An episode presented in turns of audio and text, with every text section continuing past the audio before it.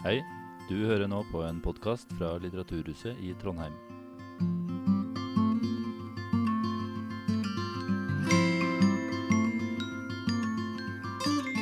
Ja, men da tror jeg vi er klar til å starte så smått. Hjertelig velkommen til alle sammen. Mitt navn er Trond Aam, er daglig leder for Litteraturhuset i Trondheim.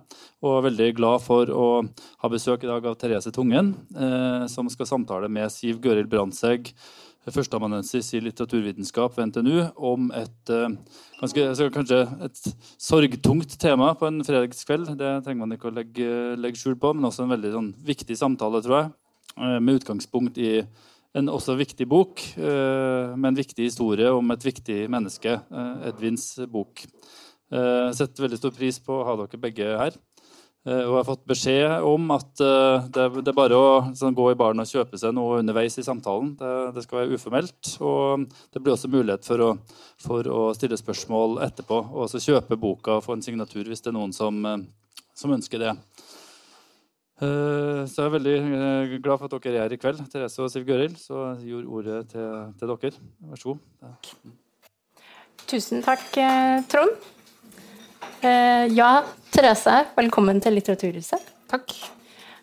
Når vi snakka på mail snakka på mail, når vi skrev mail til hverandre om det her arrangementet, så, så sa du at du var litt redd for at det ikke kom til å komme noen om et tema som var så trist som sorg og litteratur og det å miste et barn. Hva tenker du nå? Letta. Nei, jeg er veldig glad for å se så mange. Det er tross alt fredag kveld. Fantastisk vær ute. Ja, ikke sant.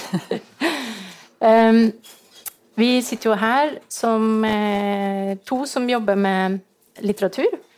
Eh, og vi har gleda oss lenge til denne kvelden, både Therese og jeg. Eh, og da handler det vel litt om at dette temaet er noe som står oss nært. Det her med sorg og tap, og hvordan det skildres i litteraturen. Um, I 2019 så mista jeg mora mi. Uh, det var litt for ung til å dø, syntes jeg. Og syns jeg fortsatt. Og ett år etterpå så mista du gutten din, Edvin, som uh, ble nesten sju år. Og uh, vi er medlemmer av det du Selv om de to tapene er veldig ulike i tragisk omfang, så er vi jo medlemmer av det du en plass har kalt verdens tristeste klubb, Sorgklubben. Og Vi skal snakke litt om hvordan det er å være medlemmer i denne klubben i kveld. Men det skal jo ikke være noe trist medlemsmøte. For vi skal snakke om dette temaet med utgangspunkt i litteraturen. Og med utgangspunkt i den boka som du kom med i år. 'Snu deg', Edvins bok. Og jeg tenkte vi kunne eh, begynne med at du leste den første sida for oss. Det kan jeg gjøre.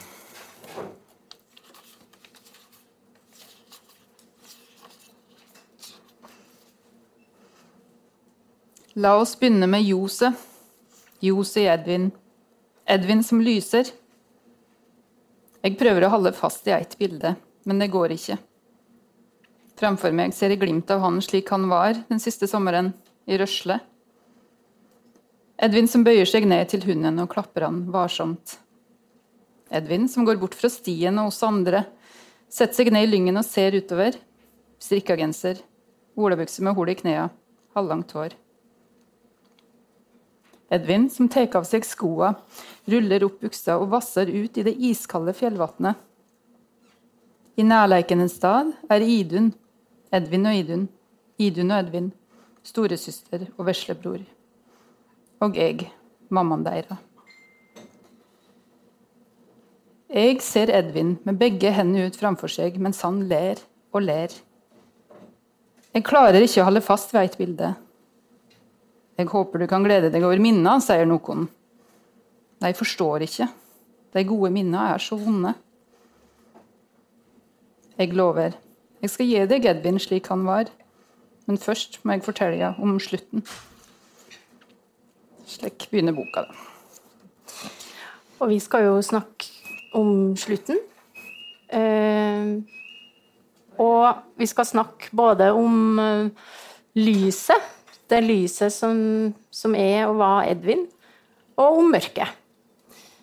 Men først så har jeg lyst til å spørre deg hvordan det var å skrive denne boka. Nei, altså Jeg begynte jo å skrive boka fort. Jeg skrev jo dagbok helt fra starten. Tre dager etter at Edvin døde, så skrev jeg første ordene i dagboka. Eh, og jeg skrev på i notatbok, og jeg skrev e-post til meg sjøl. Så jeg skrev liksom stadig litt. Fordi at det var så viktig å eh, nesten rapportere til meg sjøl eller få ned på papiret hvordan det her er, fordi at det var så kaotisk. Og så begynte jeg å skrive manus i ja, september-oktober. Det var ganske tidlig etterpå. Mm. Eh, så skrivinga for meg henger jo så i hop med den helt rå sorgen, det kaoset i starten. Jeg skrev for å egentlig Jeg kunne ikke gjøre noe med kaoset, men for å se litt på avstand, kanskje, og, og skjønne hva jeg var oppi. Eh, og jeg skrev og tenkte at dette her kommer til å forandre seg. Så hvis jeg ikke skriver ned nå, så forsvinner det. Og det har jo forandra seg. Nå er det ett år og ni måneder siden Edvin døde. Og jeg er jo en annen plass mentalt. Hvis jeg hadde skrevet boka nå, så ville det vært ei helt annen bok. Og jeg ser for meg at det ville vært ei på en måte klokere bok og mer pedagogisk bok, men som ikke hadde vist fram hvordan det første året i så brutal sorg er. da. Den rå, rå, rå sorgen. Og hvordan det svinga gikk opp og ned. Så det å skrive boka var Det var tøft, men nødvendig. Og tidvis fint. Uh, når jeg var ferdig med å skrive, så var det ikke like at jeg, jeg, vet om flere som har skrevet bok om ungene sine som har dødd, og som føler at når de er ferdig med skrivinga, så er det et tap i seg sjøl, for da må på en måte slippe den personen mer. John Didion har sagt det. Og uh, Naya Maria Eit, dansk forfatter, har sagt det samme. Når hun slutta å skrive, så havna hun i en depresjon i seks måneder. Uh, hun skrev om sønnen sin Carl. Uh, og jeg var litt redd for det, men jeg følte vel mest en lettelse når jeg var ferdig. Fordi at å skrive for meg var ikke Det var på en måte ikke en måte jeg tok fram Edvin og mana han fram på en stund etter at han døde. Han var jo knapt død, hvis du skjønner. Så det å skrive en fram i boka var jo eh, ganske vondt. Det var noe av det vondeste. Det var ikke å skrive om det jeg sto oppi, og hvordan vi hadde det, men det var å skrive om Edvin siste sommeren. Det var vanskelig du lar jo leseren komme veldig tett også på selve skrivinga. Eh, og så beskriver du skrivinga. Eh, du beskriver det nesten som å gå. Eh, det samme som å gå. Eh, helt nødvendig for deg, og noe du gjør. Du er en som skriver, og derfor skriver du. Eh, og at det er en slags bevegelse i skrivinga, tenker du i hvert fall i starten av boka. så skriver du at du tenker det. Men så er det, som du sier nå, da, også tydelig vanskelig, og, vanskelig å skrive. Siden den ligger så tett på eh, sorgen. Og eh, en av de tingene som gjør det vanskelig, som du skriver, er jo det der at det mangler, du mangler en tidslinje. Eh, mm. Tida har kollapsa. Tidslinja slo knute på seg når Edvin døde, skriver mm. du. Ja. Det var en helt konkret opplevelse av at um nå er det ikke like at vi tenker på tid som ei linje hele tida, vi gjør jo ikke det, men vi gjør det vel på en måte. Tenker på livet som etapper. For meg så var jo liksom studietid, litt jobbtid, eh, lang periode med småbarnsliv, og det kaoset som hører med i det. Og at ting liksom sakte, men sikkert gikk framover. Eh, også når Edvin døde, så var det omtrent som at alt kollapsa. I et krater, nesten. I det krateret som var at han døde. Og det var en kjemperar opplevelse. Jeg har aldri vært borti noe lignende før. Mm. Men det var som om um, Det var som om alt ramla i hop. Og det som var rart helt i starten etter at Edvin døde, var at uh, som om alle deler av livet var berørt. Og det er jo fortsatt, men litt mindre nå. Mm. Omtrent som at barndommen min var ødelagt. Bård sin barndom var ødelagt. Samboeren min. Mm. At hele livet vårt var liksom så rysta. Mm. At det var ingenting som var rent og uberørt lenger. Mm. Um, og at, det, at ja, omtrent som at tida liksom slo knute på seg. Jeg tenkte jo, jeg hadde mye like, barndomsflashback fra den tida og fra den tidlige studietida når jeg var i utlandet på egen hånd og ikke hadde kart. Da, før iPhone også, så hadde du ikke kart på telefonen. Mm. og gå rundt og liksom lete og ikke finne veien i nye byer. Det var litt den følelsen at eh, hva ligger framfor oss? Vi ante jo ikke noe om framtida, hvordan det ville bli. Det var veldig rart. Mm. Og fortida var prega. Eh, framtida var rett og slett uviss. Mm. Om vi kom til å klare det, hvordan vi kom til å ha det. Det var jo litt derfor jeg, jeg søkte opp litteratur og podkast og filme og alt som kunne fortelle meg om hvordan andre har hatt det. Som mm. opplevde det, det her. Mm. Lignende sorg. Eh, hvordan så det ut lenger fram på kartet? Det merker jeg at det, Da var jeg på jakt, rett og slett. Mm. Etter andre sine svar. Og det her med jo, at du, du er en som skriver, og du er også da åpenbart en som leser, det skal vi komme eh, inn på, for det syns vi begge to er viktig.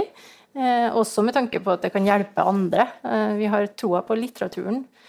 Eh, men hvis vi kan snakke litt mer om det her krateret, da.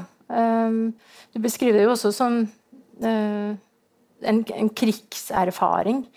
Altså at eh, Edvins død forbinder du med noe farlig og dirrende og tungt som kommer imot deg.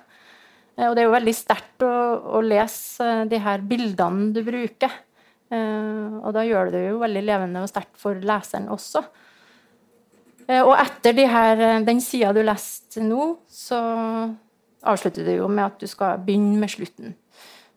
Og på de neste sidene eh, så står det 10. august, eh, og vi er på Sagene i leiligheten. Du og Bård pusser opp, eh, for det var prosjektet den sommeren. Og barna de er Idun og Edvin. Altså Edvin og hans storesøster Idun er hos besteforeldre på Kvamsfjellet. Og det er en hverdagslig situasjon som leseren møter der. Og så kommer den eh. Um, og så får vi lov å være med. Da. Du tar deg, du tar leseren i hånda eh, med deg inn på sykehuset og inn i det aller, aller eh, vanskeligste og eh, mørkeste. Hvorfor var det så viktig for deg å også gå inn, i, gå inn på det sykehuset og inn i det, det mørkeste der? For du skriver jo at du kan ikke Du, du må begynne med slutten. Ja. Nei, det var jo òg det at i og med at jeg skrev det her så tidlig, så jeg tenkte iblant på orker folk å lese det her, for jeg skriver helt i starten om så får jeg telefon for å skjønne at Edvin, som aldri har vært sjuk, nesten, at han hadde kollapsa ved kveldsmatbordet og blitt dårlig, da. Og så ble han sendt fort til Rikshospitalet. Eh, og da visste jo ikke oss eh, hva som var problemet. Jeg tenkte med en gang på diabetes, for det var det jeg hadde frykta. For han hadde vært litt like, slapp hvis han ikke fikk mat om morgenen. Og, så har diabetes i familien. Så jeg liksom sett for meg, Og da visste jeg at hvis unge fikk det, så var det jo ofte alvorlig. Det kunne bli organkollaps. Og. Så når vi kom på sykehuset, så ble han sendt med helikopter dit. Og så satt oss der og venta på rett og slett å få høre mer om hva som skjedde med ham, for det har vært en tiden til undersøkelse.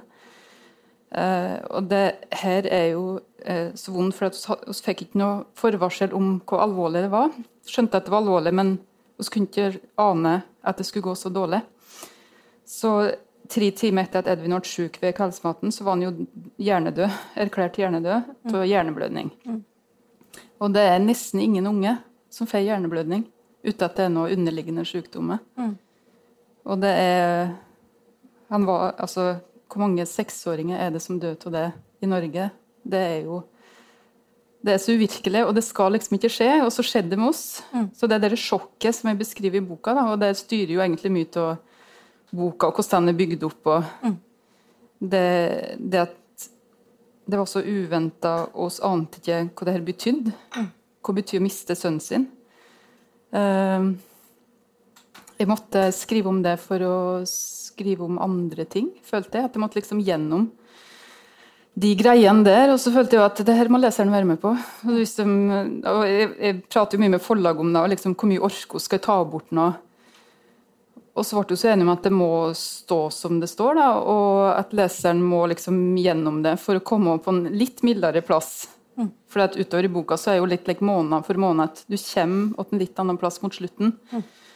Selv om det fortsatt er tøffe ting, og jeg har kasta om på kronologien, så plutselig er du liksom i starten etter det, er jo, det er jo på en måte en litt kaotisk tekst, men i siste del så ser jeg det sjøl nå, når jeg ble om det, at der er det jo mer fellesskap. Der skriver mer om andre sin erfaring og, og om greske myter, og, og hvordan de liksom prøver å finne fram i det der rare terrenget da, som vi havna i. Ja, og det kjenner leseren veldig på, at det er en, det er en slags progresjon, selv om det hopper fram og tilbake. En slags sorgens mangel på kronologi her, så er det jo eh, kanskje en lettelse også for leseren. Eh, vi har fått være med deg inn på sykehuset, og det er beintøft å, å lese. Men eh, jeg syns jo Jeg ble jo veldig takknemlig eh, i møte med de tøffe scenene også på sykehuset, for det du lar leseren eh, være med på der, er jo tenker Vi blir nærmest noe mer enn en medfølende leser. Jeg merker meg at noen, altså Den boka her har fått veldig gode eh, tilbakemeldinger, men noen har reagert litt på uh, de, Måtte vi være med inn, helt inn og sånn? Og, og jeg stiller meg helt sånn motsatt der, for jeg tenker at det, det du lar leseren gjøre der, da, er å å være med og bære sorgen litt gjennom boka. At uh, det, det, er en sånn tung bør også for leseren, men det er en, en god følelse man sitter igjen med etterpå. Og så følger vi uh, deg på vei opp i et, hvert fall et slags lys, eller noen glimt i andre del av boka, hvor uh, det handler enda mer om litteraturen, og hvor det blir litt lettere også å lese. da. Um, og en ting som kjennetegner særlig første del av boka eh, Det er jo ikke en del én og en del to her, men i starten så er du også veldig opptatt av uh, å jakte på sannheten om hva uh, som skjedde den kvelden. Mm. Finne en slags hva, En rekkefølge Ja. med når var det helikopteret landa? Hvem sto og venta på bakken? Hvor var storesøster Idun når legehelikopteret eh, letta? Skal jeg si litt om det? Ja. For det her eh, Det er òg leken ikke vet før en havner oppi det. Men eh, jeg hadde jo lest før i avisartikler like, om f.eks. du mister noen i et skipsforlis, eller eh, kanskje ikke vet helt hvor de forsvant. Og den der viktigheten til å komme åt åstedet. Se hvor det skjedde. Kanskje kaste ei rose i vannet der noen ble borte. Eh, og være der hele tsunamien i 2004, og liksom reise tilbake til den stranda og være der eh, den du elsker, liksom døde. Dø, I dødsøyeblikket òg. Og det skjønte jo sjøl når Edvin døde, og jeg var ikke der når han døde. Jeg så han bare etterpå.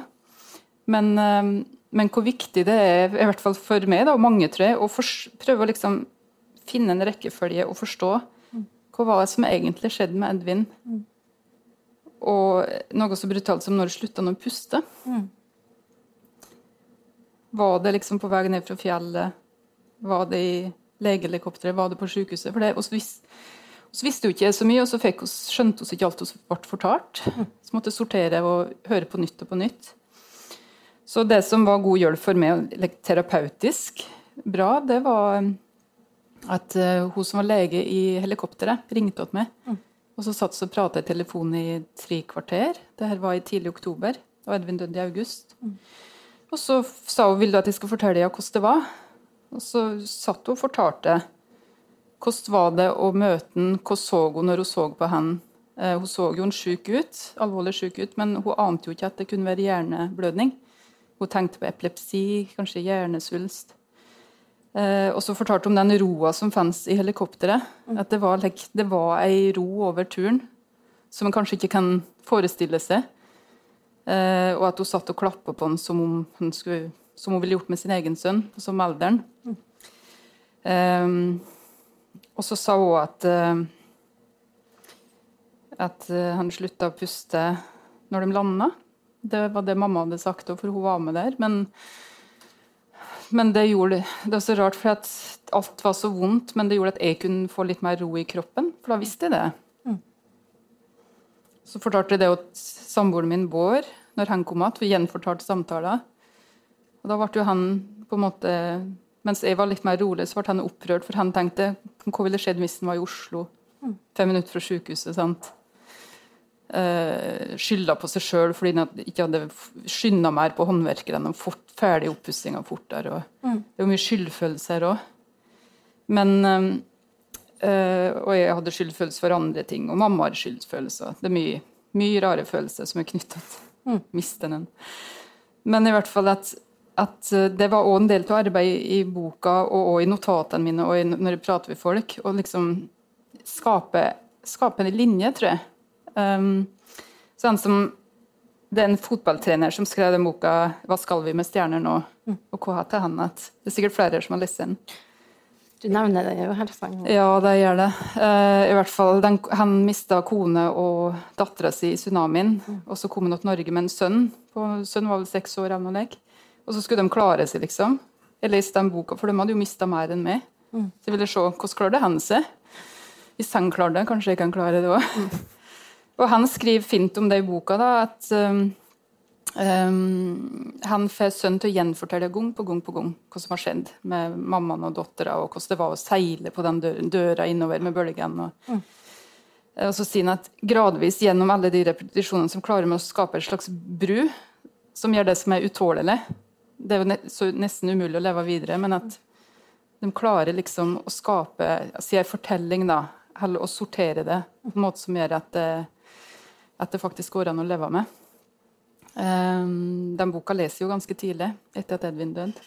Og jeg merka at det gjorde jo noe til sommer. Og så hadde jeg tror jeg var på sykehuset tre ganger, pratet med legen om hva som har skjedd. Bare fikk det gjenfortalt og stilte spørsmål. Og, og så kjente jeg til en at jeg må inn på rommet der han lå når han var død. Så da gjorde vi det.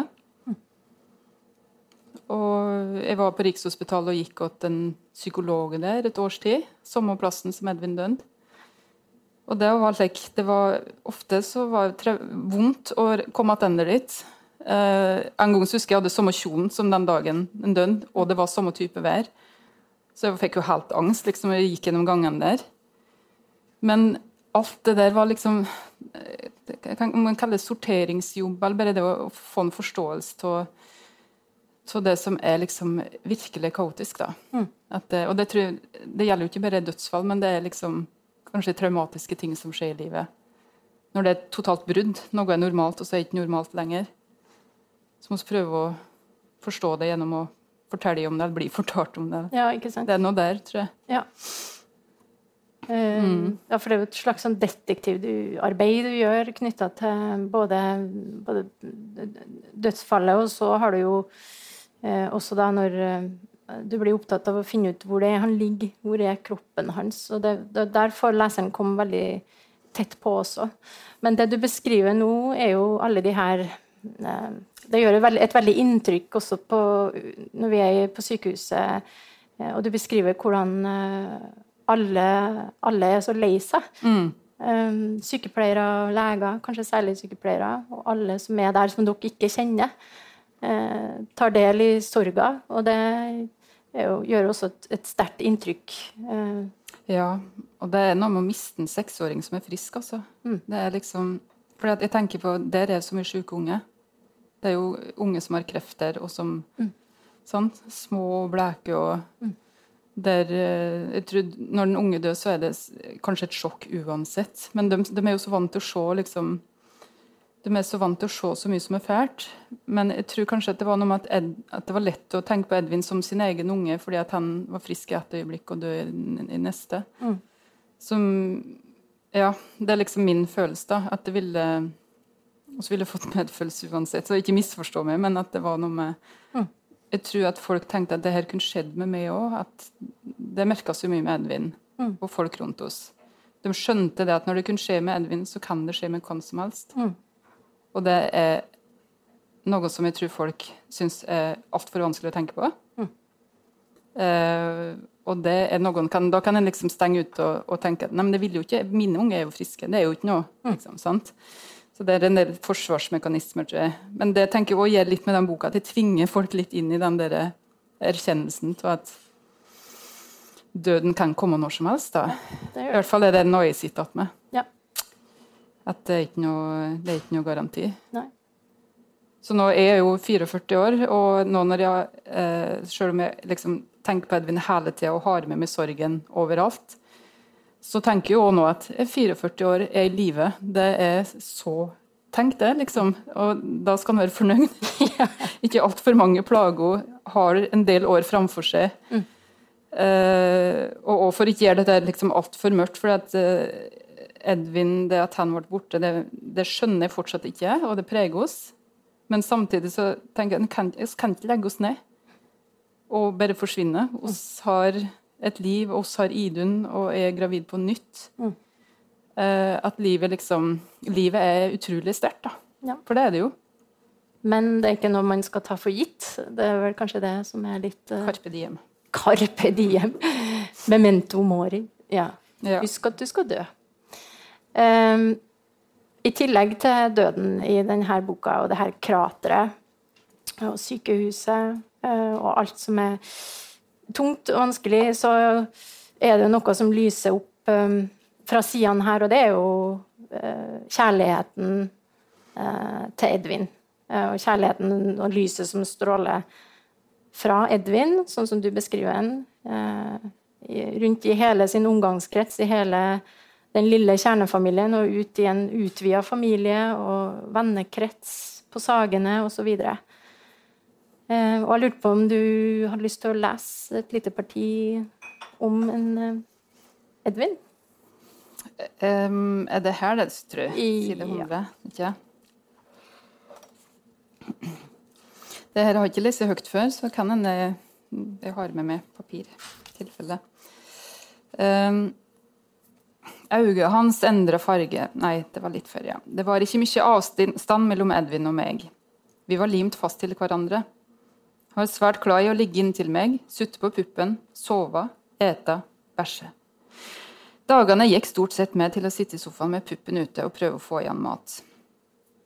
Øynene hans endra farge til ei vidunderlig, djup blåtone. Haka stakk etter hvert fram, med ei lita kløft i midten. Han hadde hvitt Der ser du. Det går bra. Skal jeg lese? Det går bra. Han hadde hvitt, fjonete hår og sikla mye. Da Edvin var litt større, fletta han sterke armer og bein rundt kroppen min, som en liten apunge, og jeg bar rundt på han i flere år, bare rundt på han, sjøl om han fint kunne gå sjøl. Han var kilen, søkende, blid, kompromissvillig. Idun var to år, åtte måneder eldre enn han, proppfull av energi, med pannelugg og kortklipt hår og mangfoldig antrekk, hovedplagg og dingeldangel strutteskjørt og fargerike tights. Edvin skein av glede når han så på henne. Når jeg snakka om Idun til han og sa navnet hennes, kunne han le høyt. Da han var seks måneder, skrev jeg i dagboka. Han er forferdelig søt. Litt utstikkende øyne, merksomme øyne, ofte lattermild, veldig kilen, mild i sitt vesen, merksom på lyder. Jeg innbiller meg at han har en sterk musikalitet. Han virker lyttende, blir rørt når jeg synger til han, eller han hører en sang eller annet på radioen. Vanskelig å si hva som er reelt, og hva som er innbilning. Ettersom han vokste og så verden rundt seg, ble det tydelig at han var en gutt som retta oppmerksomheten mot andre i rommet, humøret deres, hvordan de hadde det.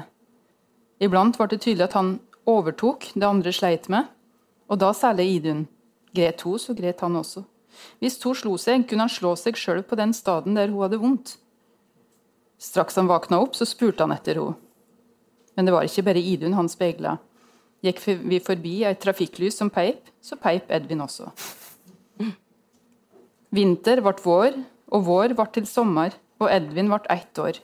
To år, tre år, fire, fem og seks. Pen gutt, står det i papirene fra sykehuset, fra det grufulle døgnet. Midt mellom oppmåling av vekt og høgde og rapportering av et utall blodprøver og andre tester de tok av han. Det må være en sykepleier som har skrevet det. De visste ikke hvordan han var, at han var så lettledd, at øynene hans hadde den helt spesielle blåfarga. Det så ikke legene og sykepleierne som kom og gikk i det stygge rommet med senga i midten og de røde stresslessene rundt. Og vi orka ikke å fortelle at han ikke likte høye lyder, ustyrlige leker, at han var god i matte. alle planene han hadde. Han ville til Galdhøpiggen, sa han. Han ville gå på klovneskole og hiphop-kurs. De så ikke glimta i de djupblå øynene hans. Hvor eh, viktig eh, for deg var det å la oss bli litt kjent med Edvin her? Det var viktig, men jeg tror det var viktigere for redaktøren enn meg sjøl ganske ja. lenge. For jeg var så innsausa i min egen sorg at jeg så egentlig ikke helt Edvin, liksom. Mm. Eh, når jeg skrev i starten. Mm. Og så husker jeg hun sa flere ganger 'Husk at Edvin skal fram', liksom. Skriv om Edvin. Og, men det var så det var så vondt å gjøre det. Eh, at jeg, liksom åh, dytta unna og fant på andre ting når jeg skulle gjøre akkurat det. Det var, det var noe av det verste i boka. Eh, men så merka jeg at når tida gikk, så ble det litt lettere, da. Mm. Jeg skriver om, om, skriver om min egen sorg og liksom alt som foregikk inni meg, og hva oss sto oppi. Så, så klarte jeg etter hvert å lage et portrett av Og det er jeg veldig glad for at hun pusha meg på det, for det er jo viktige ting med boka. Det er Edvins bok. Mm. Men eh, eh, samtidig som jeg skrev den boka, så, um, så samarbeidet vi med Kari Hestamar, som lager mye podkaster på P2. Uh, og har sitt eget ja, podkaststudio nå. Uh, så hun, hun fulgte oss liksom gjennom det året fra oktober til det hadde gått et år, da, mm. og litt lenger. Og, og da, for jeg tenkte ganske tidlig etter Edvin at at vi klarer å fortelle om henne Det var jo mye mindre omkostninger å prate med henne og la hun logge en podkast enn å skrive ei bok sjøl.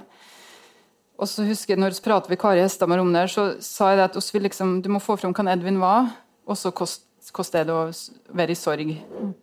Eh, og Det kan høres ut som at det har stort eksponeringsbehov, men jeg føler virkelig at det var, det var, var ikke så mye for vår egen del, men fordi at jeg tenkte at det her er så såpass spesielt. Men det er jo mange som sørger, og at det er noe med å speile sine erfaringer i andre. da.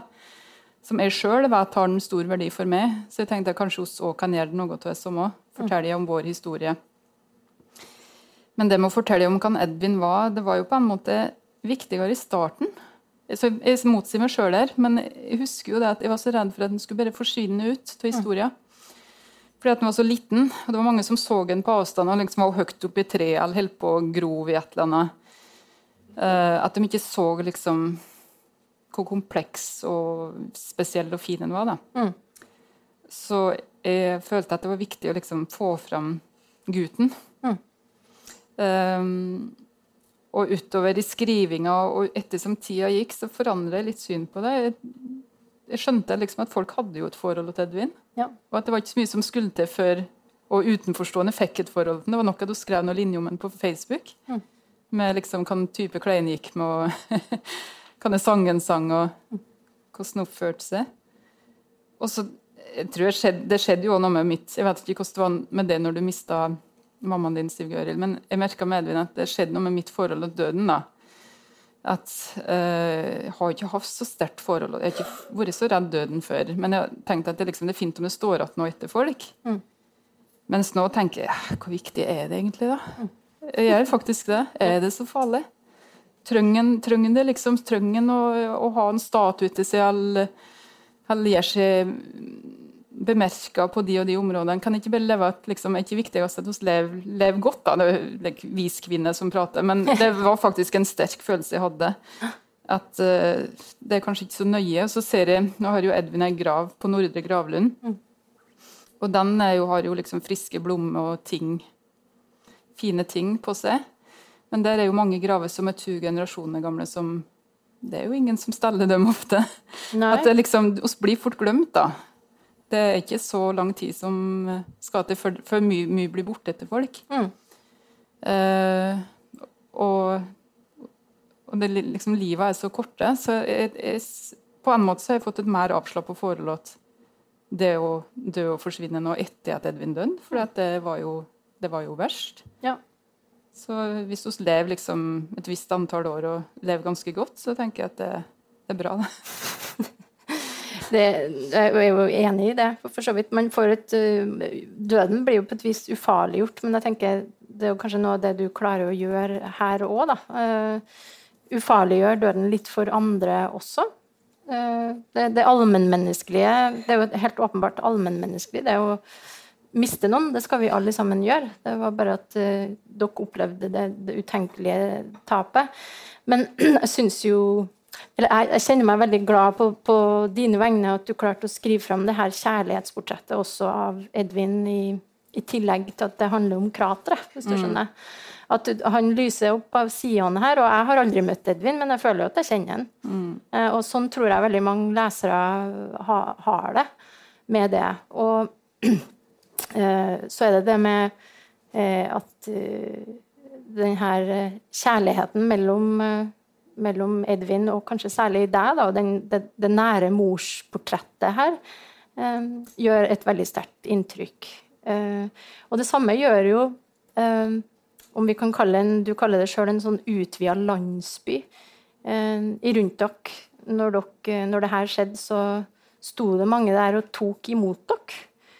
Det beskriver Sagene der dere bor, og bygården der dere bor, som eh, Ja, som en, som en, Du skriver at det, det skal en landsby til å oppdra et barn, sier man. men det skal vel også en landsby til for å, for å hjelpe med sorgen når et barn dør.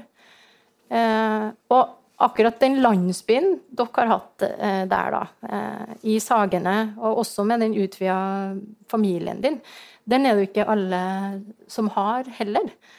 Men eh, man får lyst til å skaffe seg en når man leser denne boka.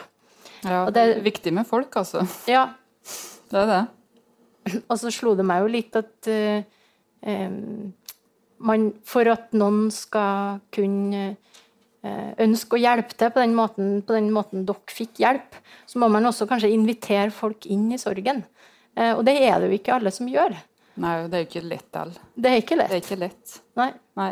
Hun, Karne Marie Berg har jo en podkastserie som heter mm. 'Sorgens kapittel', som er kjempefin, som mm. sikkert ligger ute fortsatt. Um, og der uh, Hun prater med forskjellige folk som har mista Eh, mista, noen har mista ungene sine, og noen har mista samboeren sin, og noen har mm. mista bror sin. Og, og, det er så fine samtaler. Um, og fordi at de er ganske rå.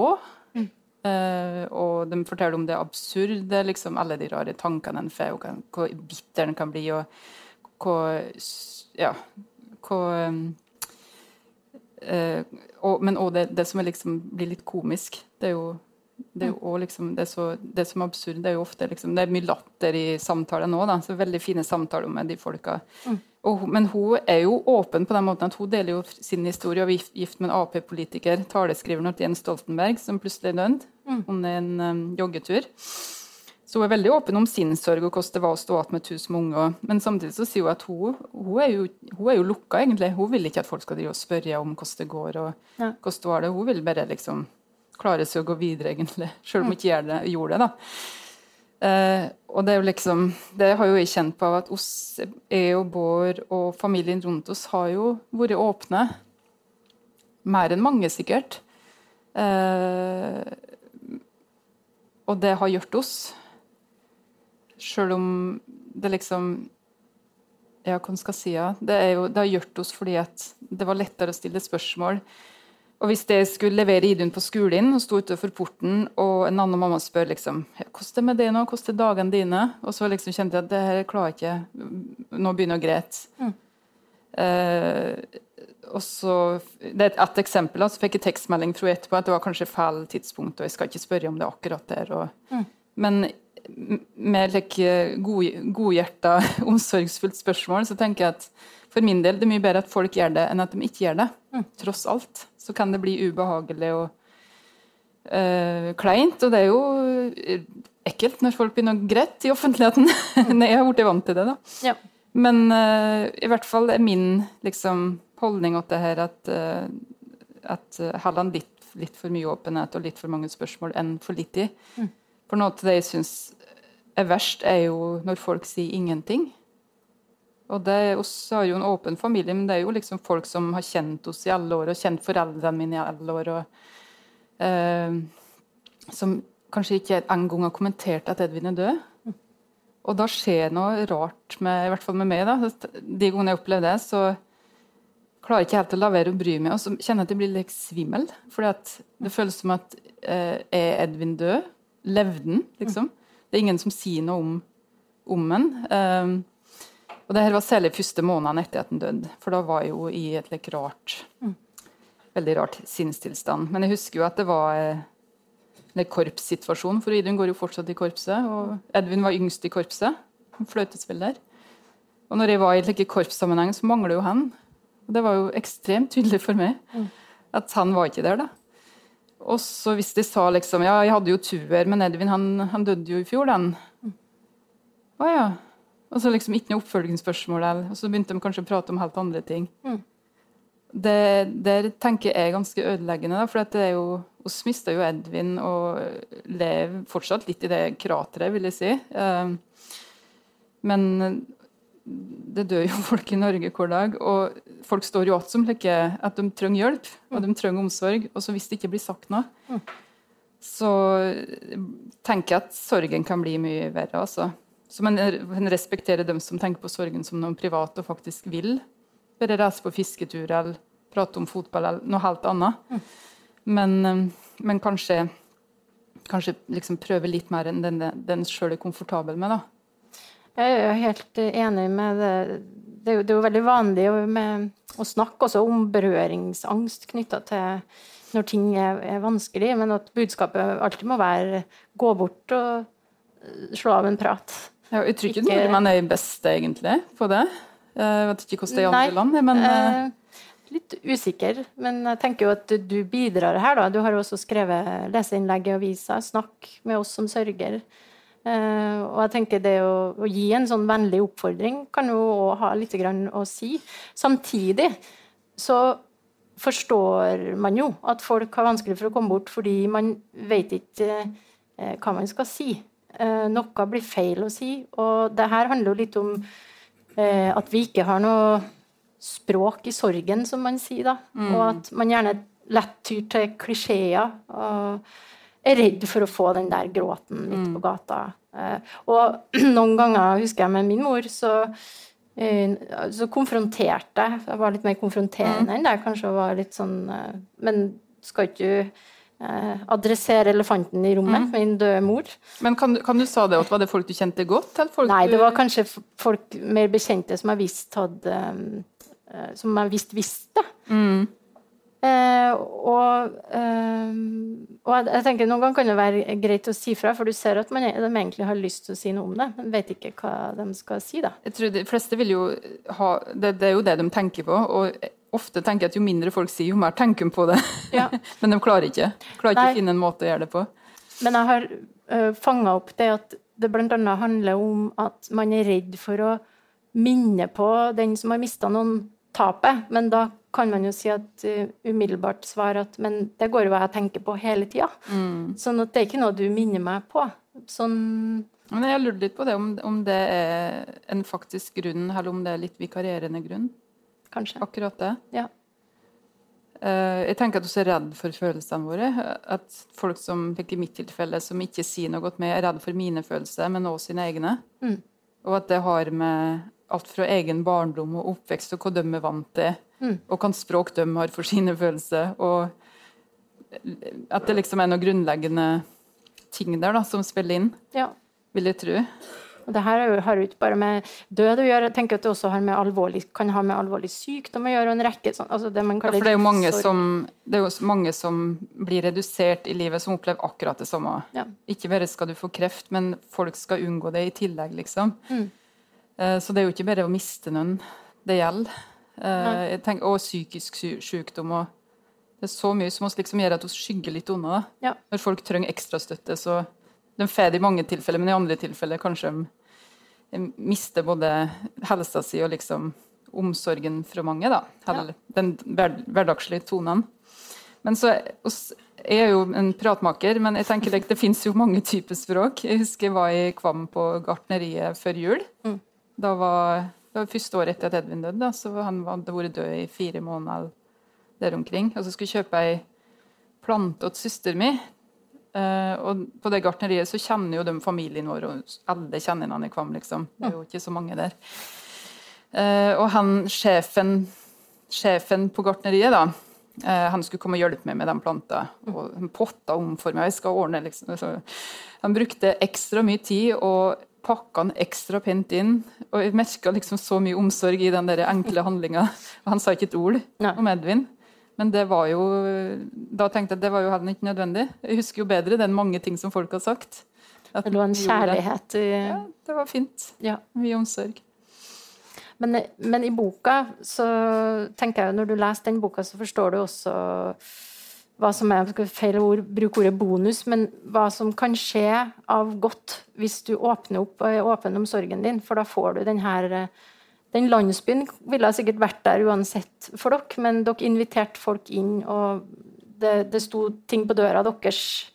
Eh, Det var bakst, og det var blomster og, og sånt. Og det, at eh, folk ikke var redd for å, for å komme bort til dere, i hvert fall i den fasen, og, og blant de naboene og sånn. da. Det er nok litt spesielt nabolag akkurat der jeg bor i Oslo. Ja, jeg ble litt misunnelig når jeg leste Det det. er lov å bli. Det er også et fint Sagene-portrett, da. Ja, nei, det, er, det er mye fantastiske folk der som er ganske åpne. da. Ja. Så jeg tenker at det ville vært verre stilt hvis de hadde bodd en annen plass i landet. Mm. Eh, og i Gudbrandsdalen der jeg kommer fra, så vet jeg at det jeg tror jeg er vanskeligere der enn på Sagen. altså, Ja. For mange. Og det, er liksom, det er lenger mellom husa. Og så er det noe med at det var noen som hadde en forklaring med at alle kjenner hverandre liksom, og vet om så mye at hvis de først går bort og sier noe eller um, involverer seg, Mm. så kan det bli liksom komplisert. Og det kan hva skal jeg si, at det kan, eh, det kan ha en følgerekke, som, mens på Sagene så er det kanskje litt lettere, fordi det er så kort mellom leilighetene og Ja. møter folk på gata, og så sier han litt, og så går han videre. og At det kanskje faktisk kan være enklere i byene, litt på grunn av de tinga der òg, da. Mm. Og så er det jo en landsby i Ja, eh, Oslo. Det, det er jo det. bosatt, bosette seg i en bygård er jo et av budskapene også i, man kan finne i boka. Ja. Ja, nei, jeg jeg- jeg har vært på et seminar med andre som har mista ungene sine, og de har jo så forskjellig erfaring. òg. Mm. det, det er mye som er ganske hårreisende, måten de blir behandla på. Da. Mm. Alt fra at liksom, folk ikke sier noe som helst om det som har skjedd, til at noen liksom sier 'du må komme deg videre' liksom to måneder etter at ungen din er dødd. Mm. Til at uh, Nei, det, det og, og særlig ved liksom Kanskje litt like, dødsfall som selvmord, og like at det liksom At de ikke får hjelp, da. Vi har jo fått kjempemye hjelp, men jeg skjønner at rundt i Norge er så mange som overhodet ikke får hjelp. Mm. Selv om de ber om det. Så det er store forskjeller der, da. Både i hvordan naboene oppfører seg, og Mm. hvordan helsevesenet oppfører seg. Ja. Jeg tror man kan fortsatt snakke om sorg som et slags tabu i, i samfunnet. At det vil være riktig å gjøre det. Og da tenker jeg jo at den boka di er et bidrag her også, da. Den åpenheten du har om eh, det som skjedde. Eh, og en av de tingene eh, som du skriver fram, eh, er jo eh, det her med eh, alt det du leser.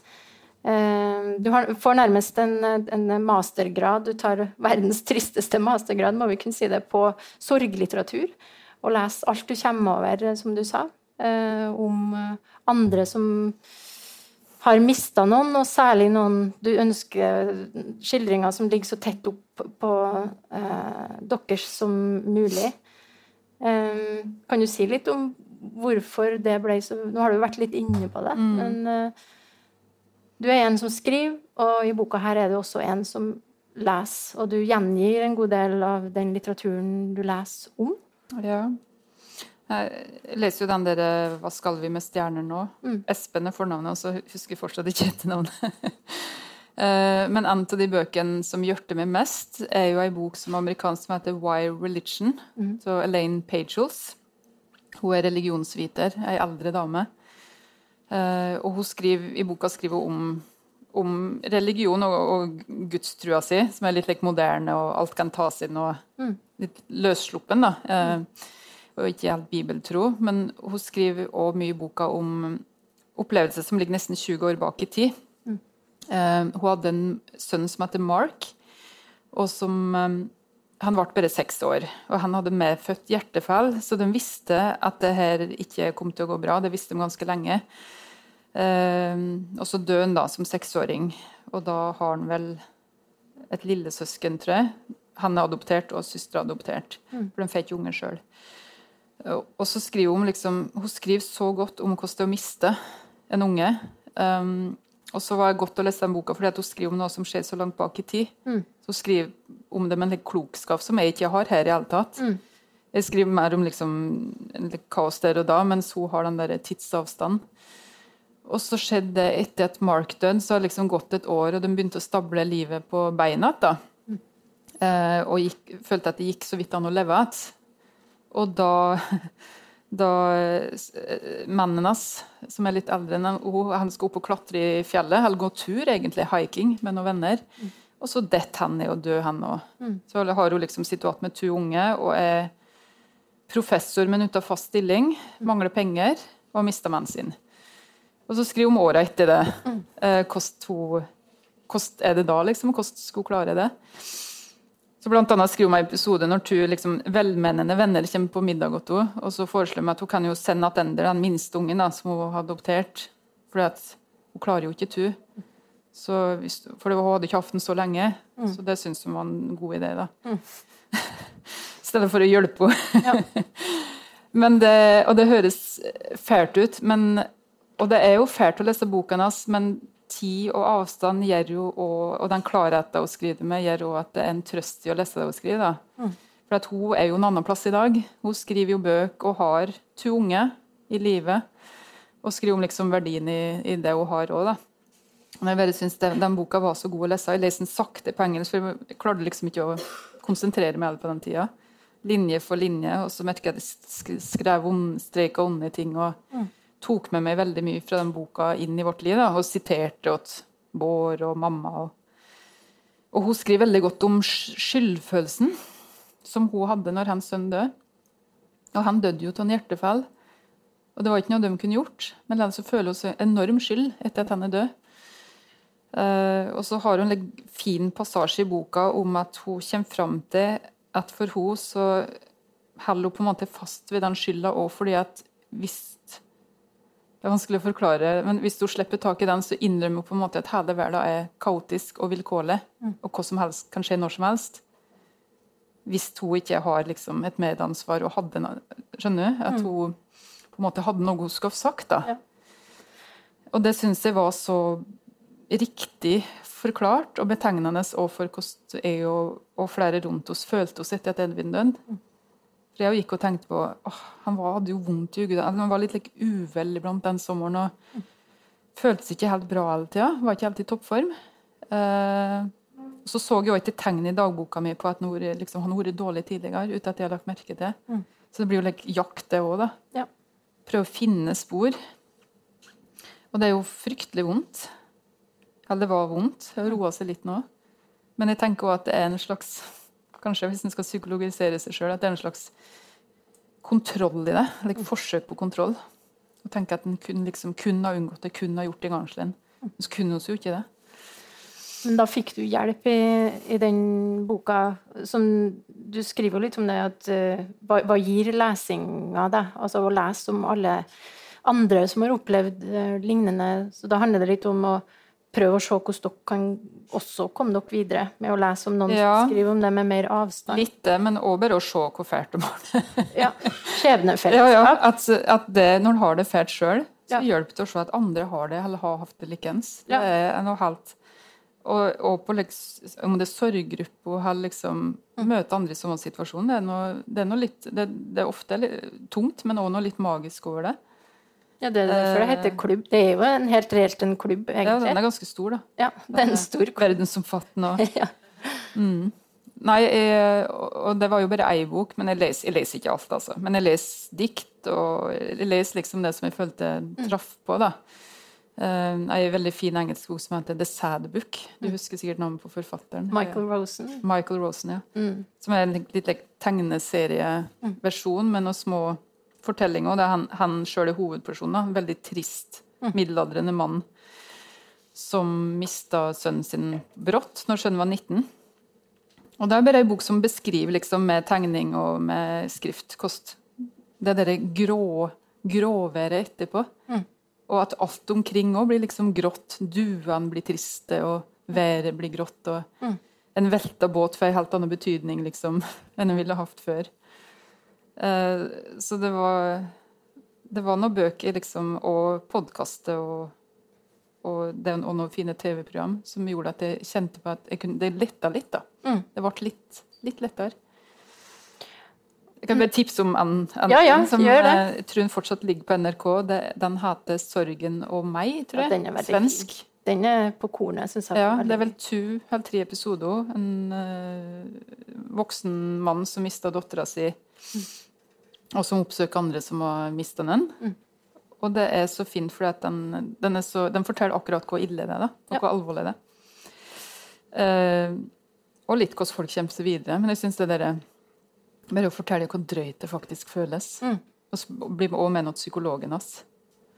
Sine. Jeg Jeg trodde jeg skulle ha bedre i dag, men det føles jo så føles som at en del av meg har dødd. Ja. Men jeg er så ærlig liksom på de tinga der, da.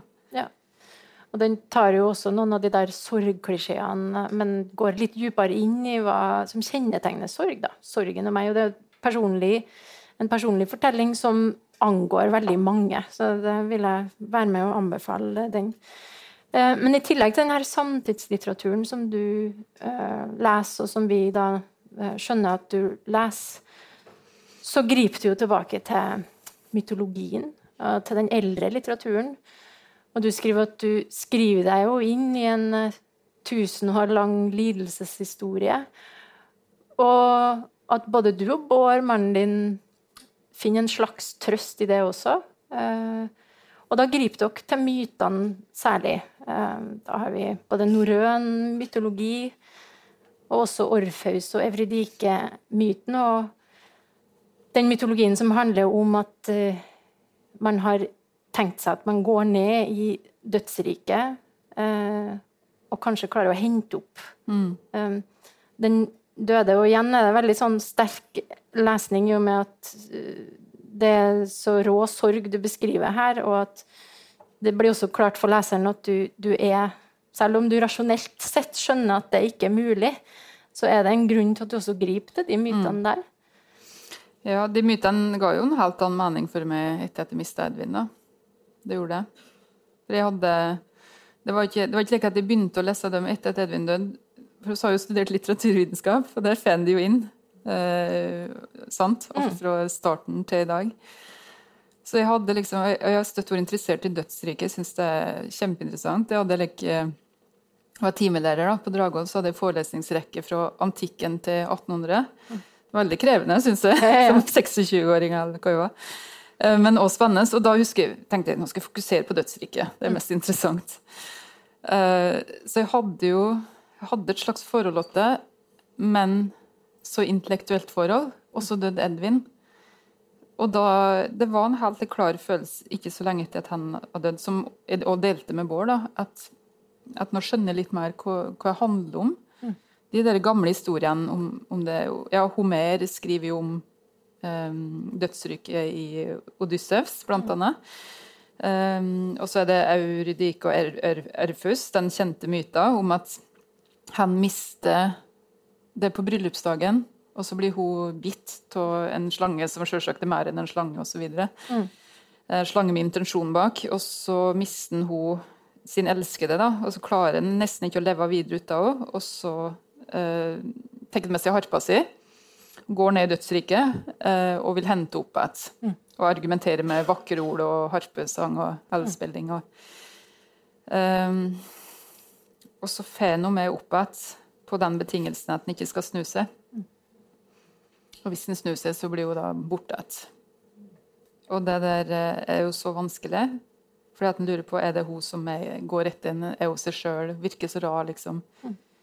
Og så snu, altså Det er forskjellige versjoner av den historien, men den snur seg, og da forsvinner hun.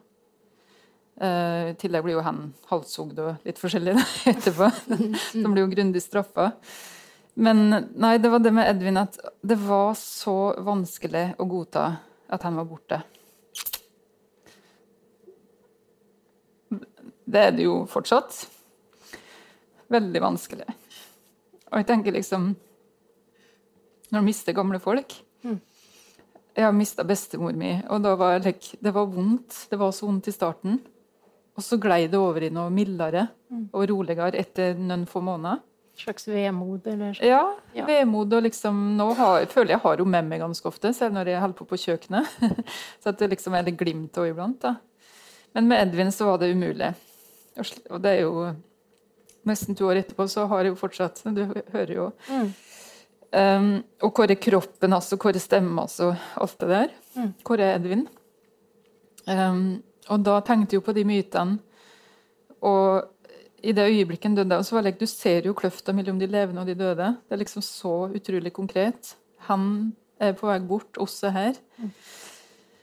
Og så, så når jeg skrev, så var jo det var fint. Det var en fin måte å tenke på. Det er jo, det er jo sjølterapi i den boka, men det var mye tenking. At liksom, da kunne jeg lese meg litt opp på de mytene og se hvordan var det egentlig, og skrive dem ned og se dem i sammenheng med vårt liv. og og Idun, dattera vår Pøllevår, hun er jo ganske bereist i greske myter nå, og i dødsrikeskildringa. Mm.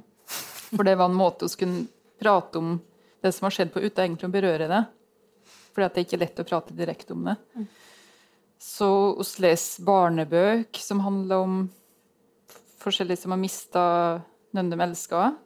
Blant annet 'Det tynne sverdet', ei svensk bok. Han som prøver å han reiser ned dødsriket og henter faktisk opp mammaen sin, for han klarer det.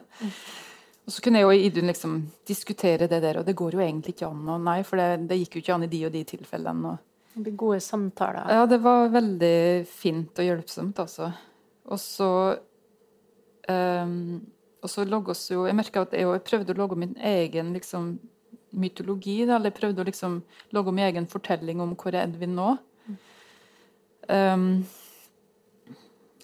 og jeg så for meg en like, stor kjempe. Hvis noen har lest barne, barnebok som heter Hilda, så så jeg for meg litt som den store kjempen i Hilda, som bar med seg Edvin over elva.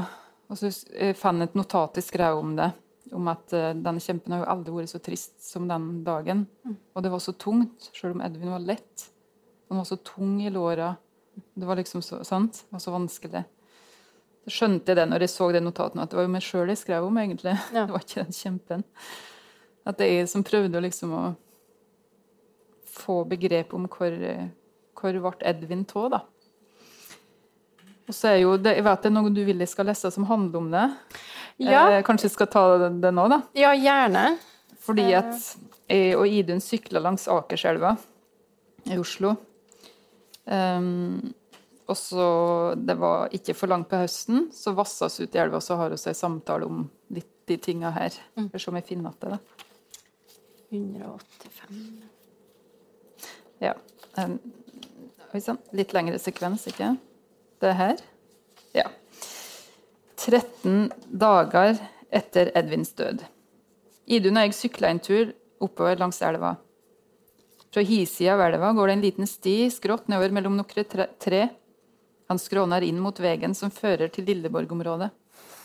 Her har Idun, Idun og Edvin ofte sykla i vill fart, siden det er ei av de få offpist-løyper som finnes på Sagene. Det er ei svært kort strekke, men relativt bratt. Nå sto Idun og kvidde seg for å kjøre der. Skal jeg først, sa jeg. Hun nikka, og jeg sett utfor. Hun kom like etter, det hvite håret rett ut bak. Først nedover og mellom trea, så skråna stien oppover att og enda på fortauet. Trea rundt over oss som en portal, vi to som for framover på stien, det kjentes som et ritual. En av mange passasjer som- slusa oss videre, dytta oss framover, enten vi ville eller ikke. Vi sykla over brua og til den skuggefulle østsida av elva, slengde fra syklene og gikk ned skråninga. Noen hadde hengt opp et tau i ei tjukk rein som hang utover elva. Idun sto og lurte på om hun kunne vasse over. Jeg sa hun var for stutt, at vannet var enn så ut som, og ville nå opp til livet. Det var tydelig at noe måtte hun gjøre. Hun slengde seg utover fra tauet, først én gang, så flere ganger, de lange beina ned i vannet.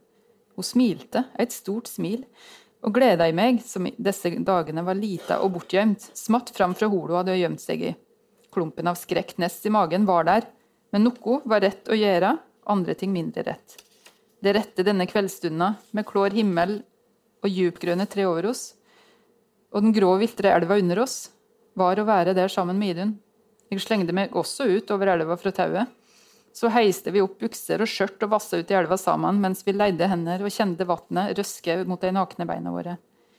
Vi småprata mens vi balanserte mot steinene på bunnen.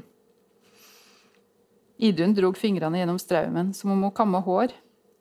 Det er som om Edvin er på den andre sida, sa hun med blikket ned i vannet. Som om vi vil over til han, men ikke kan fordi strømmen er for sterk. Jeg fortalte om elva Styx i gresk mytologi og fergemannen Karon som rodde de døde over. De døde måtte over til den andre sida, og de måtte betale en mynt for at han skulle kjøre dem. Det er en kjempe som bærer de døde over vannet, sa Idun. Kjempen er stor, han bærer dem sånn i armene, sa hun.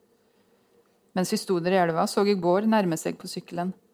Han la sykkelen fra seg, tok fram kamera, lente seg mot treet og fotograferte oss i vannet.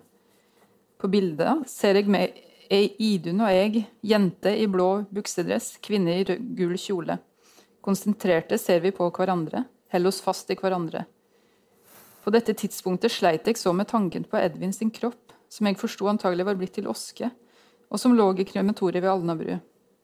Han var fremdeles så nær at det nesten var uro for meg å klare å godta at han var røska bort, at han ikke lenger var. At det eneste som var igjen av han, var en liten haug med oske. Hvem var vi nå uten Edvin? Hvordan skulle han klare seg uten oss? Vi var fremdeles i den samme tidsaksen som han. For få dager siden pusta han og lo og gikk bærføtt i gresset. Nå var han død. Død. En kropp eller oske. Jeg visste ikke. Jeg ville ikke se det for meg. Det måtte være en feil. Kanskje var han bare på ferie. Han var ikke her. Nei, han var død. Edvin var død. Det var ikke noe vi bare innbilte oss. Og jeg levde. Sønnen min var død, men jeg levde. Og det var absurd i seg sjøl. Men jeg var ikke alene. Framfor meg hadde jeg Idun, som strekte handa ut til meg. Det fantes ingen svar, ingen løsning. Jeg hadde sett gapet mellom livet og døden, hadde stått svimmel ved kanten, men lenger kom jeg ikke i forestillinga om hvor Edvin var nå. Den kjempa som Idun presenterte meg for, vakteren av Akerselva, bæreren av de døde, var det næreste jeg kom på dette tidspunktet. Ei fortelling vi kunne dele. Etter ei stund tok vi på skoa og sykla videre et stykke oppover elva, Idun litt framfor Bård og meg. Jeg fortalte han om hva Idun hadde sagt om straumen i elva. Det er så sant det Idun sier, sa Bård. Det er straumen som hindrer oss i å nå han. Elva går bare én vei, framover, og vi er tvinga til å føl- følge straumen.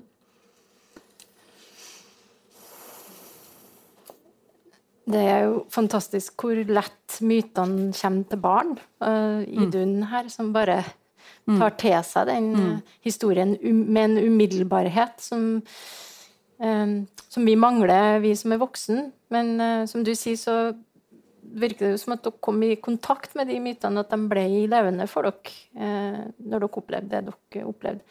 Og så skriver dere Så skriver du også veldig godt om fraværet av religion i livet hos eh, deg og Bård. eh, Og hvor, eh, hvor vanskelig det kan være å, å ikke ha noe, noe stort å tro på, og ikke tro på det hinsidige. Og at det er noe som du også bekymrer deg for. Men, men mytene, dem, dem finner du fram til. De har oss. Ja, dem har vi. Ja, det er sant, det, altså. Ja. Det, som en, det var jo nesten som en slags erstatning. Ja. Det med religion, det, det plager jo ikke meg at jeg ikke tror på Gud, men det var jo litt spesielt etter Edvin at det gikk ikke an å plassere hendene stående. Nei. Og det var derfor jeg liksom Jeg husker til og med googla like, Det høres så dumt ut, men jeg googla til og med like, om samene kanskje hadde en annen type dødsrike der det ikke var like ondt og godt. og Mm. sant? Fins det en plass jeg kan plassere Edvin ditt? Like? Ja, Er det andre kulturer som har noe å tilby? Jeg kom ikke så langt i den prosessen. da. Jeg vet det er skrevet kloke ting om det, men det var virkelig et behov for å bare oss har himmel, og noen har himmel og helvete. Mm. Det kan ikke jeg operere med, og det er vel mange kristne som har gått litt bort fra det, og kanskje alt som ikke har så klart forestilling om hva det er. da. Ja. Men eh, Nei, så det var, det var virkelig en bekymring hvor, hvor er han nå, liksom? Og hva, hva, han, hva skal han gjøre ut av oss? Det var helt konkret. Mm. Og det, eh, det vet jeg mange sliter med, for det er jo en kjærlighet som ikke blir gjengitt lenger. Det får ikke noe svar, liksom. Nei. Veldig mye kjærlighet som strømmer ut for oss, men det, han er ikke der og kan svare. Mm. Men det må jeg si at det har tida hjulpet, da.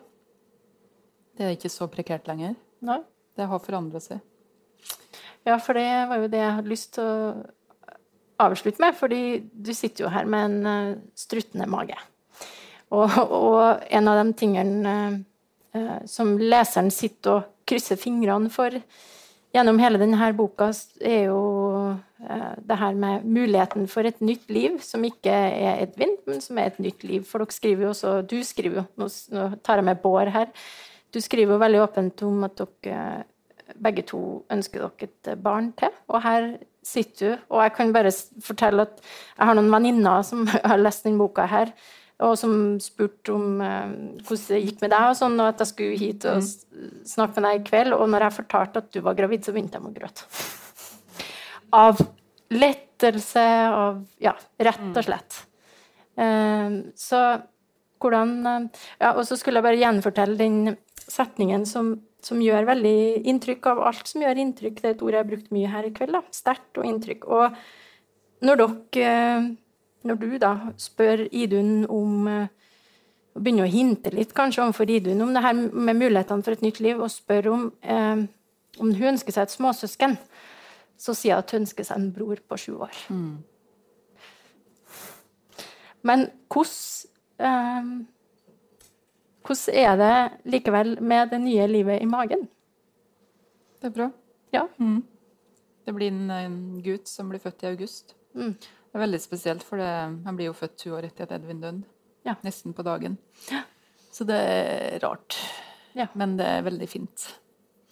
Og egentlig skulle jeg, Hvis jeg var yngre, så tror jeg jeg hadde fått fem eller seks unge til. hvis jeg kunne. ja, det mener jeg. skjønner godt det behovet for bare å logge en stor flokk. Jo større, jo bedre. Mm. Men det blir én, da. Jeg er 44 år. mm. Ja. Uh, tenker du at uh, gutten i magen, uh, når han blir 16, skal få lov å lese den boka her? Jeg har ikke tenkt så mye på altså.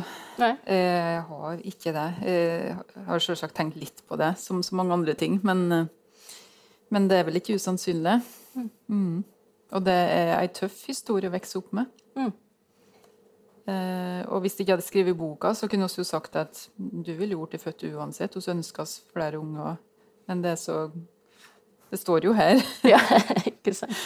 At det var ikke planlagt. Men det, det går an det er jo, bestemmer jo litt hva en historie sjøl skaper, da. Mm. Hvordan vi uh, former livet vårt. Mm. Så vi må bare satse på at det blir OK. Mm. mm. Therese, tusen takk for denne gode praten. Og vi snakka på forhånd om at vi ønsker å åpne for eh, spørsmål og kommentarer. Hvis noen har det. Nå kom det kanskje litt brått på.